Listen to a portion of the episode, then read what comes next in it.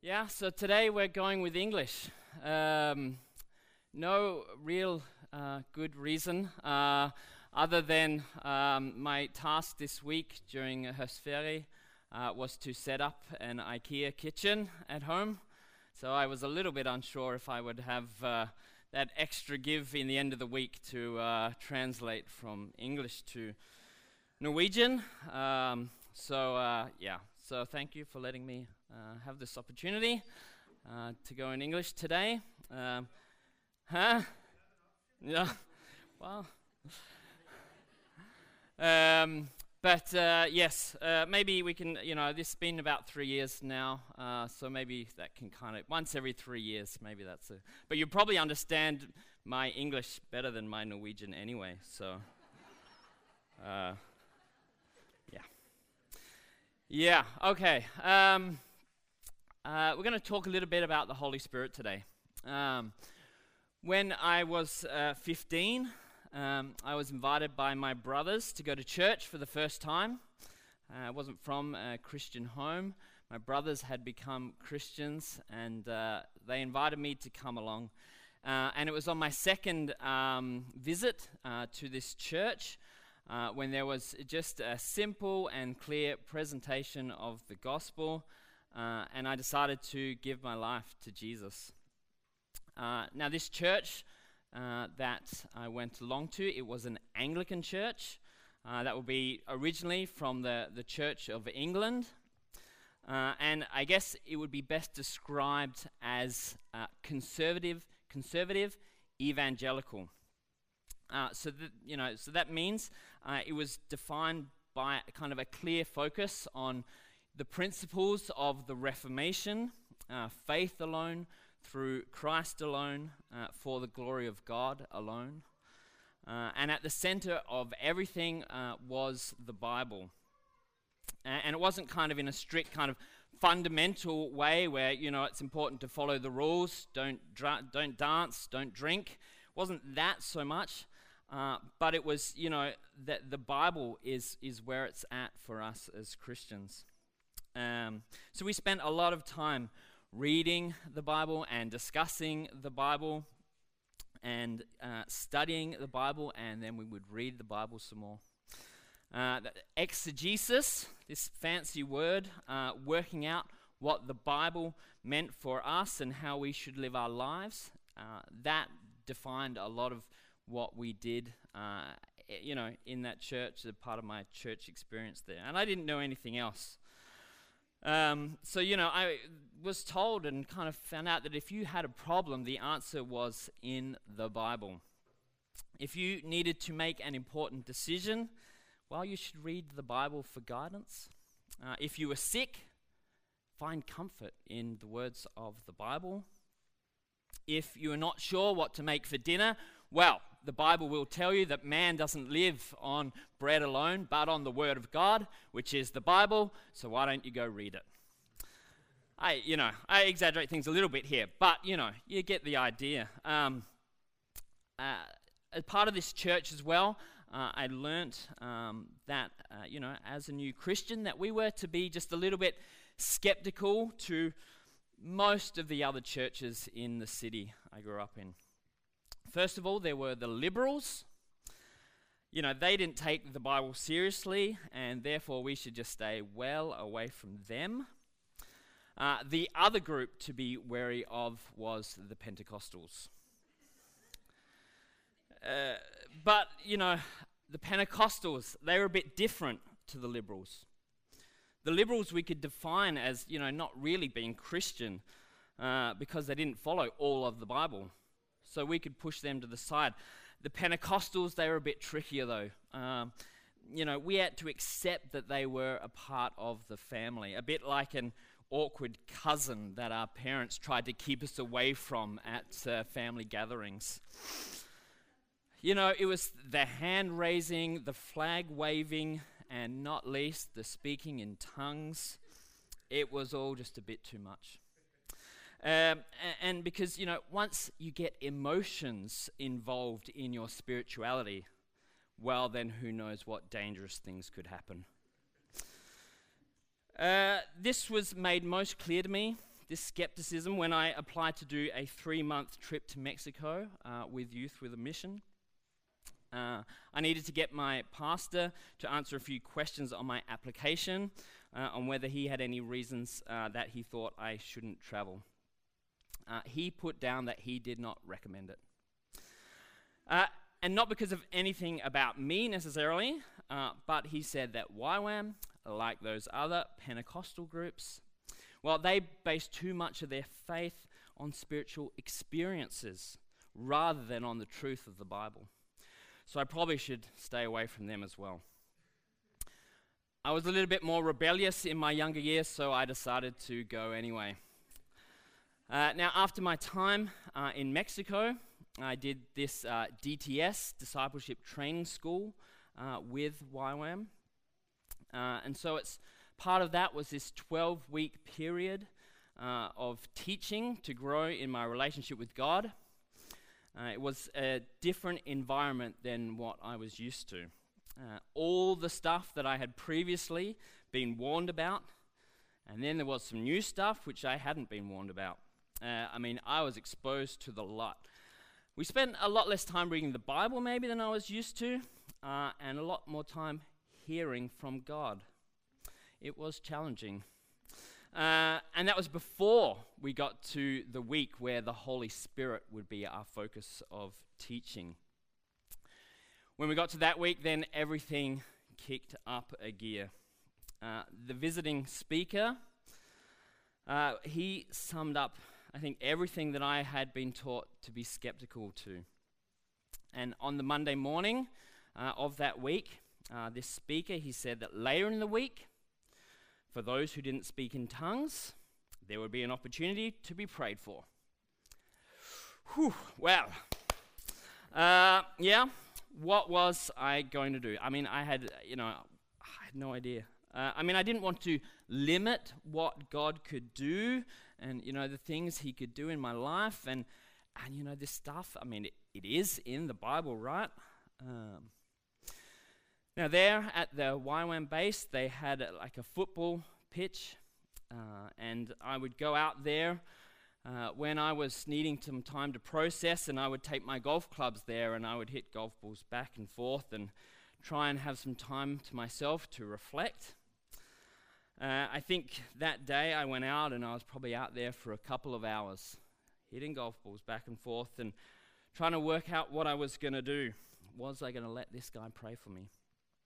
Uh, of all the students on the DTS, there was only me and one other who kind of would define ourselves as being from a conservative church. Um, he, however, he had already given in to all this Holy Spirit stuff a couple of weeks before, so it was just me holding out. And I thought, okay, I need to make a stand here. I need to make a stand for all that is right and true. So I decided I would sit in the back of the classroom. I would cross my hands and I would show that I was not on board with all this stuff here. Uh, at the last minute, though, I thought, well, I guess it can't hurt to get prayed for, can it? So, uh, so I went forward.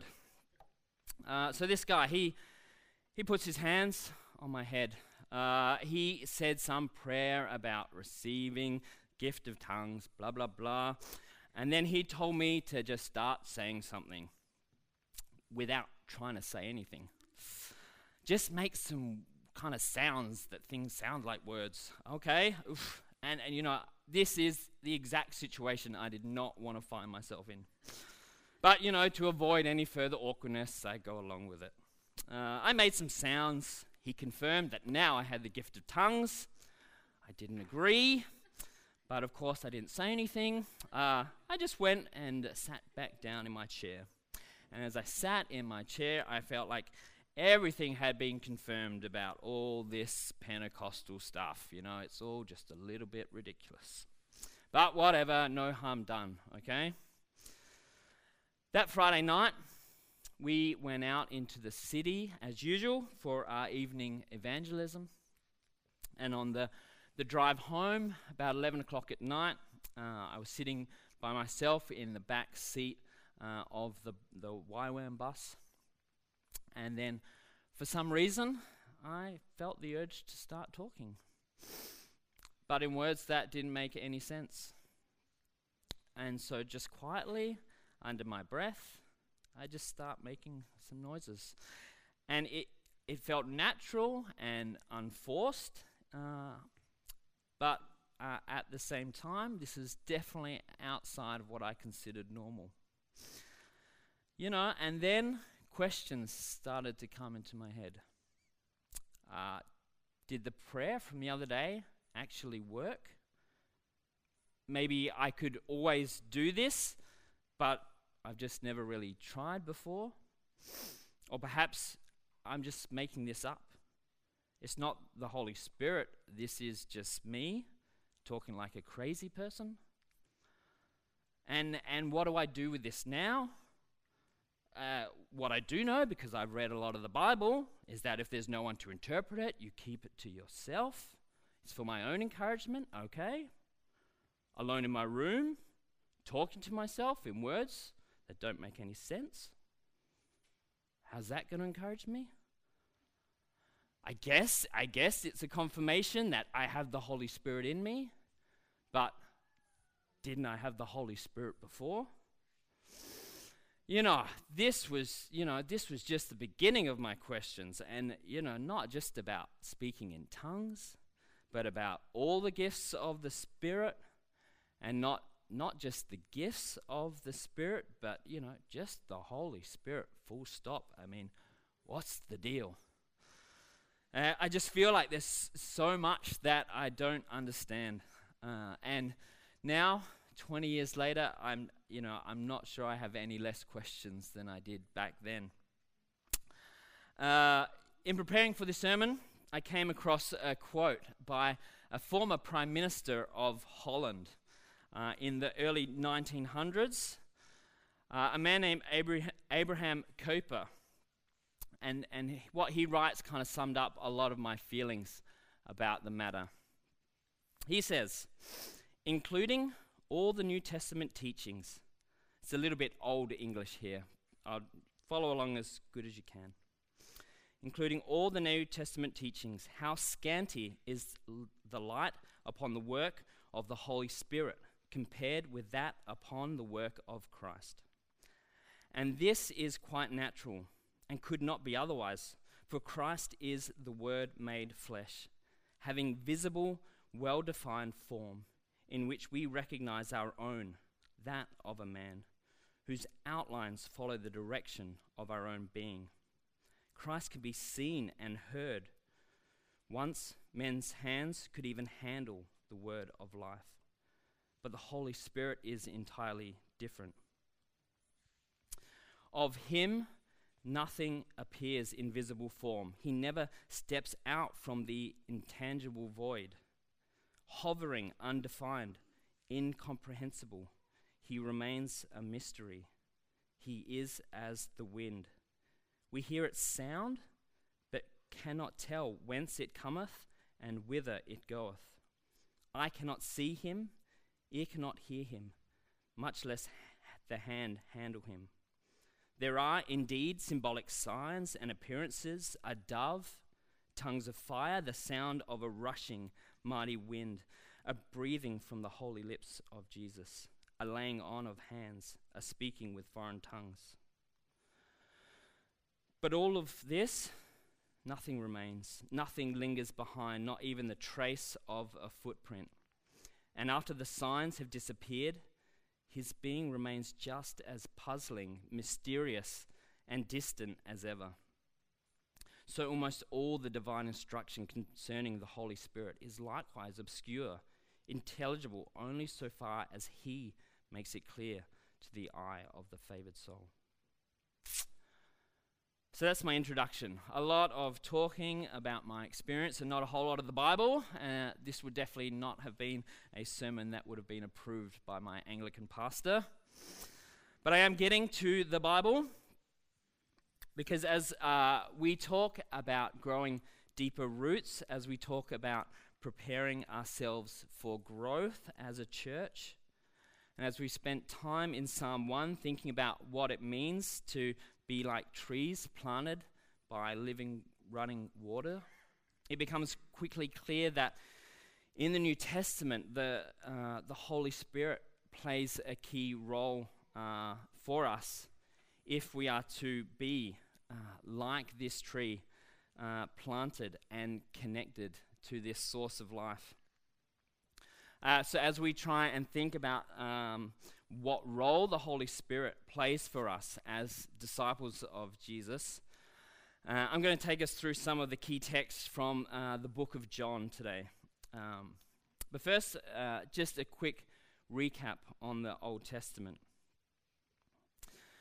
Uh, after we are introduced to the Holy Spirit in, in the second verse of the Bible as the one hovering uh, over the waters at creation, uh, there are only fairly infrequent mentions uh, of uh, the Spirit through the Old Testament. At times, the Holy Spirit comes upon specific people to perform a specific task for the people of Israel uh, he is given to those who would work on the building of the tabernacle to anoint them for that task. Uh, most often, it is the leaders of Israel, uh, the judges and the kings, uh, whose God's Spirit rests upon uh, to uh, enable them to deliver God's people and to rule them with God's empowerment and wisdom. but also the prophets. Uh, they are another group that are anointed with the Spirit to enable them to be God's spokespeople. Uh, and it is through uh, the prophet Isaiah uh, that these words are spoken. There shall come forth a shoot from the stump of Jesse, and a branch from its, his roots shall bear fruit.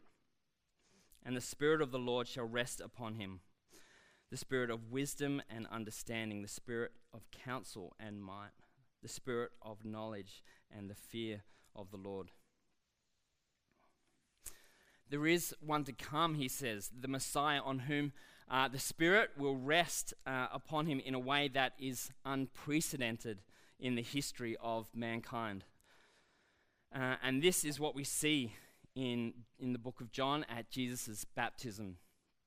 The man on whom you see the Spirit come down and remain is the one who will baptize with the Holy Spirit.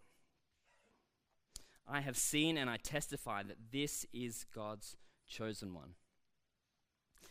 And so here we see, uh, here we see at the start of Jesus' life of ministry, receiving the Holy Spirit to empower him uh, for the mission that he has been given, to live in obedience to God and resisting trials and temptations on his pathway to his saving work on the cross. Uh, in the next few chapters of John, there are only a few small mentions of the Spirit, but when we get to chapter 7, uh, Jesus says something interesting. Um, he says, On the last. Yes, sorry, we are there. Just cut off the first bit. uh, on the last and greatest day of the festival, Jesus stood and said in a loud voice, Let anyone who is thirsty come to me and drink. He says, Whoever believes in me, as scripture has said, rivers of living water will flow from within him. Uh, and if you know it wasn't clear what Jesus is talking about, John the author clarifies this in the next verse. He says, By this he meant the Spirit, uh, whom those who believed in him were later to receive. Up to that time, the Spirit had not been given, since Jesus had not yet been glorified. And so here uh, we see this, it's a clear connection uh, is made between uh, this living water, the Holy Spirit, uh, which at that time had not yet been given freely, uh, but which was to come at, at Pentecost to all believers, uh, all who place their faith and hope in the crucified and risen Lord Jesus were to receive this gift, the indwelling spirit that brings life. Uh, and, and we see here as well this connection uh, with Psalm 1 the tree planted by the running water. By finding joy in God's law, His guidance and instruction, this tree would be continually connected to uh, a source of water. But now, then, with the outpouring of the Holy Spirit, this tree would no longer just receive this life giving water, but it would then be a channel for it. Uh, God's people will have uh, this source of life living in them. Uh, these words, uh, Jesus, uh, he spoke these words to the crowds that were there in Jerusalem at the end of this week long festival. Um, it was a festival called uh, the Festival of Tabernacles, or Løvhyttefesten uh, på norsk. Um, it is where the Jews uh, would celebrate the end of the harvest, normally around September, and where they would, they would also seek a blessing from God for the rainy season ahead, for the next, for the, the rain to come for the next year's crops. Uh, one day, towards the end of the festival, they would fill up a container of water from the pool of Siloam, and they would walk this um, this uh, cup of water through the city and they would bring it to the uh, altar at the temple where it would be poured out before God. And this, this time it was a great celebration, and, and, throughout Jerusalem there would be a lot of dancing and songs of thanks uh, and blessing to God. And I have, uh, let's hopefully it works, a video of a recent uh, uh celebration uh, of this uh, festival.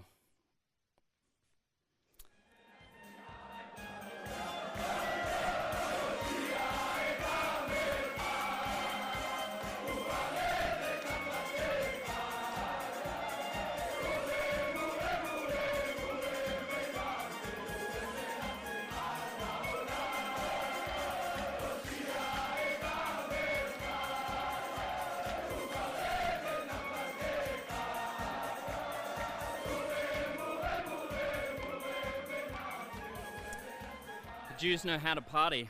Um, they, um, as a people, they knew how much they were dependent upon rain for their well being. To them, water was life, uh, and that life was something to be celebrated. Um, I talked a little bit about this uh, last time I spoke about, you know, here in Norway, uh, maybe that imagery of, of needing rain for life. It doesn't quite hit us, uh, maybe like it does for the original hearers. Generally, we're happier when the rain stops.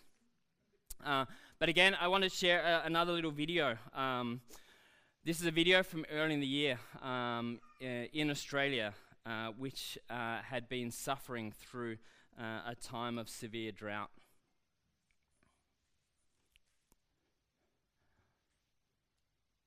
Not a lot of good news came out of 2020, but our farmers have reason to celebrate. The drought has broken, with heavy rain bringing towns and properties once on the brink back to life. The grass is green, the livestock well fed, and the rivers are finally flowing. From 2020's storm clouds came a silver lining. It quietly weaved its way south from Moree through Menindee to the Murray, filling farmers with hope. The rain has been absolutely amazing and has transformed the landscape for our farmers. These were the very first flows down the River Darling, and with a bit of time, beds that were biscuit dry for more than 18 months were again healthy and full. Without water, there isn't life, and we've certainly had our fill in New South Wales, and we've needed it. A lot can happen in 12 months. This time last year, New South Wales resembled a moonscape in the grips of one of our worst droughts ever. 38 communities were just days away from running out of water, and now that number is officially zero. We could have run out of water in cities like Dubbo, in Tamworth, in Forster, in Taree. The drought is over farmers flooding social media with before and after pictures. They've never been happier. We've got beautiful, wonderful grass. It's been raining lots, and our cows are now fat and happy. Rain has brought life back to every corner of our state. Bumper crops on once dusty plains filling up our food stores. Once empty dams transformed. Wildlife is back, birds filling the sky, pelicans are full from feasting. Our outback is healthy. Uh, what rain does for the earth, the Holy Spirit does for our souls. What rain does for the earth, the Holy Spirit does for our souls. Where there was no life, now there is life. Where there was no hope, now there is hope.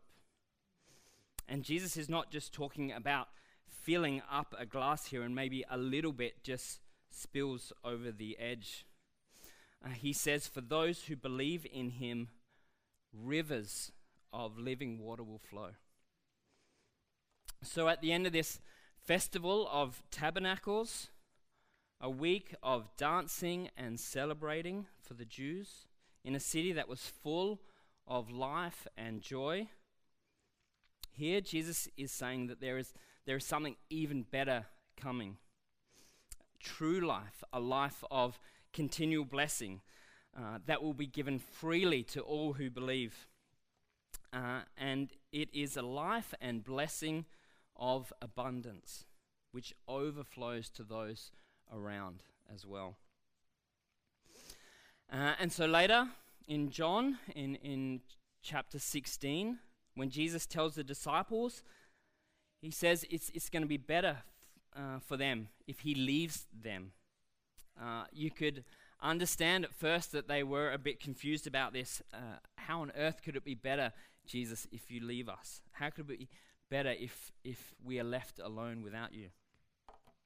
Uh, but Jesus says uh, to them, He says, Truly I tell you, it is for your good that I am going away. Unless I go away, the advocate will not come to you.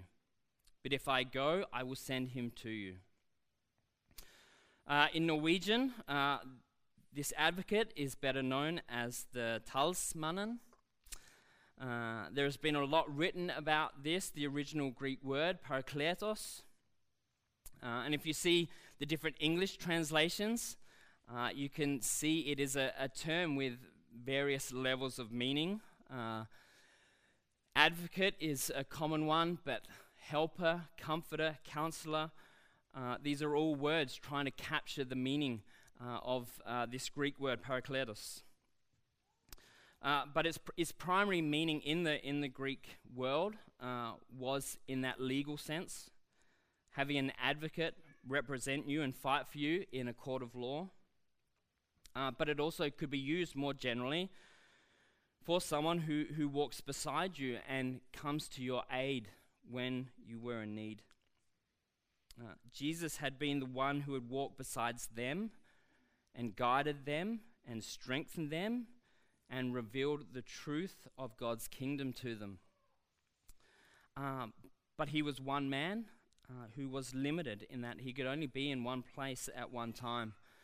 Uh, but the Spirit doesn't have that same limitation. And so when he departed, when Jesus left, the Spirit would then be God's presence on earth for all who called themselves his disciples. Emmanuel, God with us, would no longer be re- represented by a man, but by a life giving spirit. And so, after his death and resurrection in his last days on earth, uh, Jesus stands among these disciples and he says to them, Peace be with you. As the Father has sent me, I am sending you. And with that, he breathed on them and said, Receive the Holy Spirit. So now, the disciples, they were now the sent ones. Uh, they would wait in Jerusalem for the Holy Spirit to come in power. And once the Spirit came, you know, then it was game on this small group of disciples who, who previously they were so afraid when Jesus was arrested that they ran away and hid. It was this group that was now given the task of taking the gospel to the ends of the earth. Left by themselves, you know, this movement, it probably would have died out like a lot of the other religious uprisings around that time. But empowered by the Spirit, the gospel began to spread and spread and transform lives and transform communities. The Roman Empire would try to stop them as best they could. They would burn them alive. Many more were crucified. Others covered in animal skins and thrown into arenas with bears and lions and other wild animals. And as they faced their last moments on earth, these disciples prayed for their persecutors and sang hymns to God. And this was the power of the Holy Spirit at work. As we read uh, the book of Acts, as this story continues, um, you know, it's easy for us to kind of think, ah, the growth of the church was only possible because the Spirit was manifested so clearly through the, the supernatural, the healings and, and demons being cast out and prison doors being opened miraculously.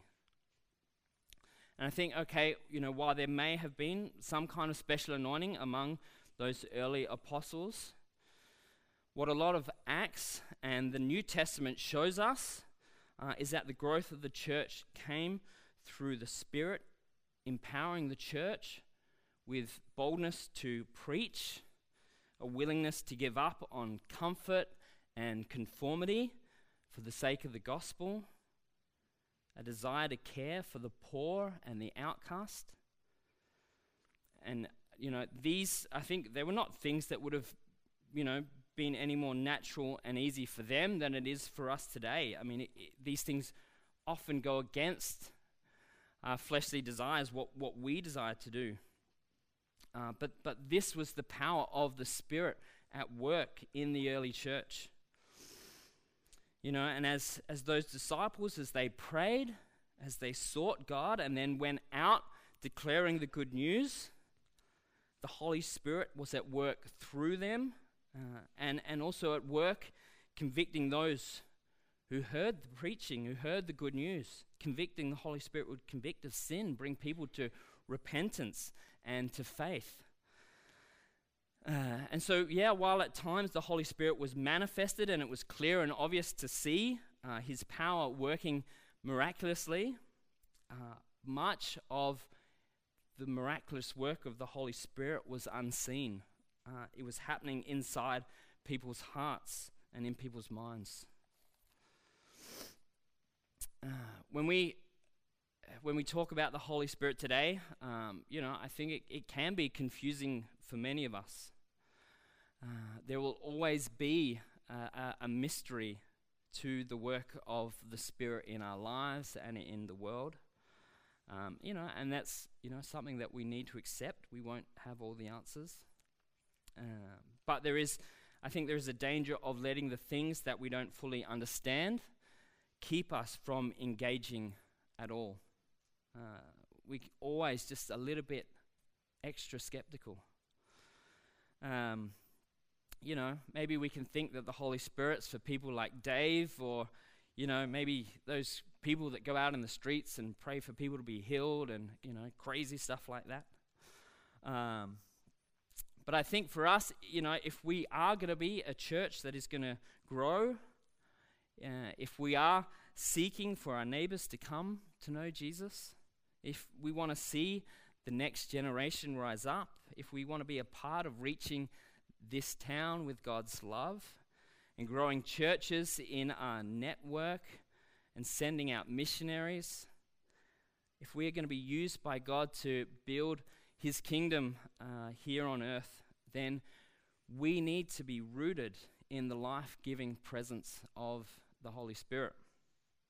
Uh, you know, we, we can't do these things in our own strength. And I think if we try, we just we find ourselves being burned out and, and frustrated by the lack of progression. Um, yeah, f- for everyone here who has placed their faith in, in Jesus. Uh, today is a reminder uh, that the Holy Spirit lives in you and is doing an amazing supernatural work in your life, keeping you strong in your faith and, and comforting you and, and fighting for you when times get hard. Uh, and it's also a reminder that, that we are in desperate need of the Holy Spirit. If we're going to be used by God uh, to bring His life giving kingdom here to earth. Uh, because I think even though we have the Spirit living in us, it can be, I think it can be easy for us to forget that. Um, uh, Paul also, sa- you know, he says in one of his letters, uh, "Do not quench the Holy Spirit. Ikke ut ånden."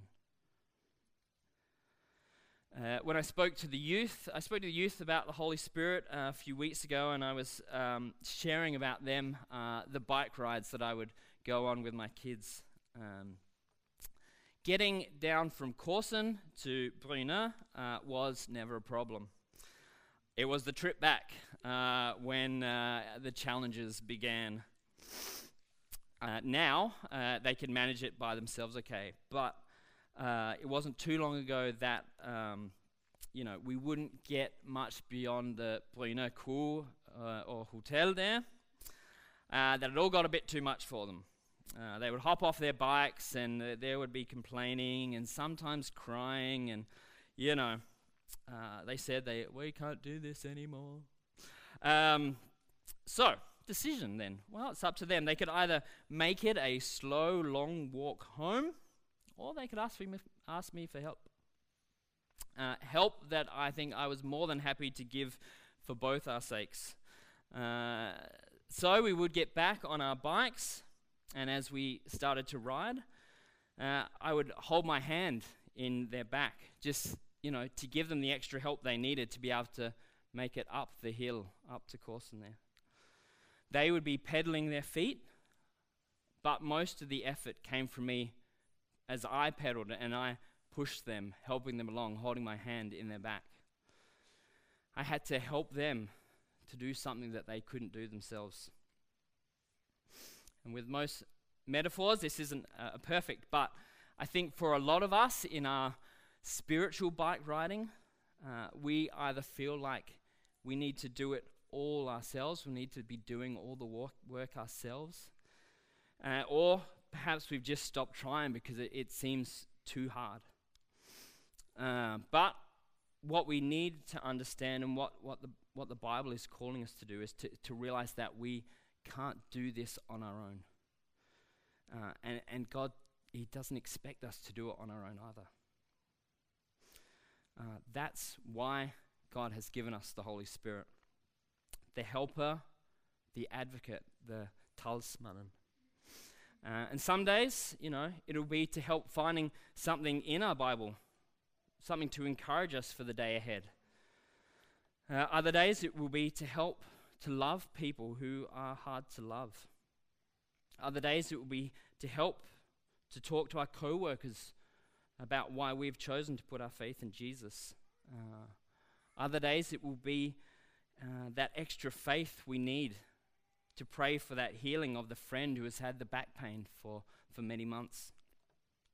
Uh, uh, it may be because, you know, of my role in the church uh, these past years, uh, working with the youth and as a pastor, but, you know, I think I've just become recently just so aware of how much I need uh, the Holy Spirit um, to be at work uh, through my life, you know. I love these teenagers that I get to work with you know, but at times I feel like, uh, is anything I'm doing helping here? You know, I feel like we're kind of going around in circles.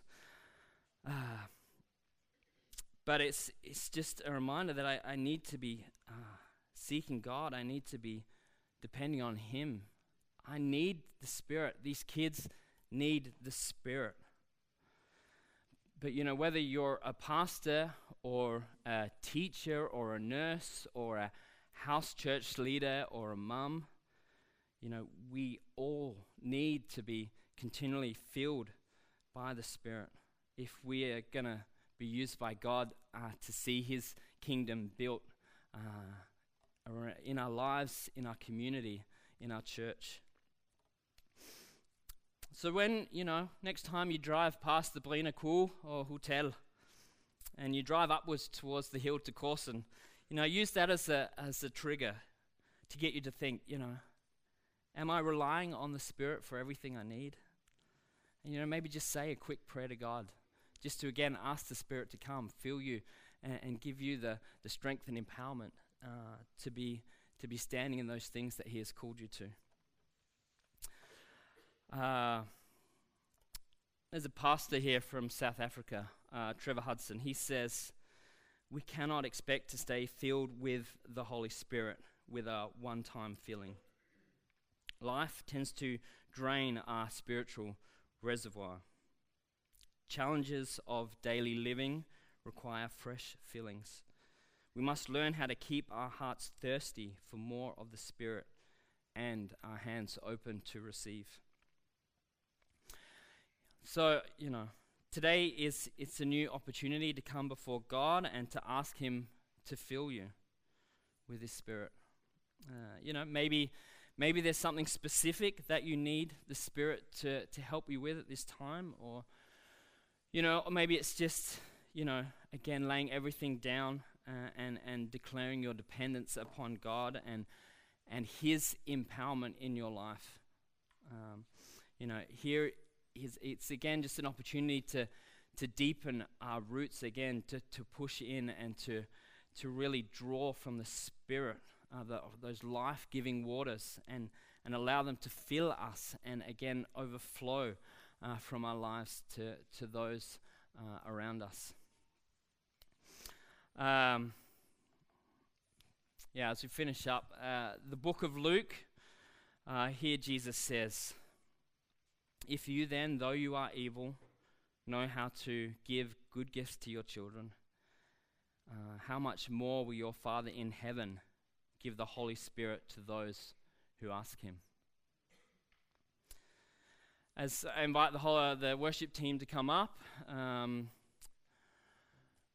yeah, we're going to have some time now, just again to to come to God with these things, spend time in worship. As we do, it's just a time for you to again come before God and and and ask him. You know, he's a good father. If things are tough, if things are hard, if you need him, he wants to meet you. He wants to give you that empowerment. He wants to come beside you and help you in the things that you're standing in. Uh, there's going to be an opportunity. Uh, we're going to have uh, people standing up the front here. If you would like someone to pray for you, uh, we're going to have an opportunity for that here uh, at the front, and uh, it's you know maybe been a while uh, for you to come forward and to receive prayer, but take that opportunity as well, uh, just to allow someone to pray for you and pray that the Holy Spirit would come and, and meet you. Uh, yeah, I'm just going to finish up in prayer, and then uh, I'll give it over to the worship team. We thank you, God, for your goodness. We thank you that uh, you are with us, uh, that we are not left alone, uh, that God, you have poured out your spirit uh, in our lives. Um, and, and God, we ask that you would come again and, and fill us and give us what we need today for the week ahead, uh, for this time ahead as we seek to grow as a church, to, to dig, push down, grow deeper roots, God. ask that the Holy Spirit would come and do a good work in our hearts. And God, that that would overflow out of us uh, in our church, in our families, in those around us, in our community, God. We want to see your kingdom come, but we need your spirit, God. And so we ask you, as our good Father, to come and meet us and fill us today. Amen.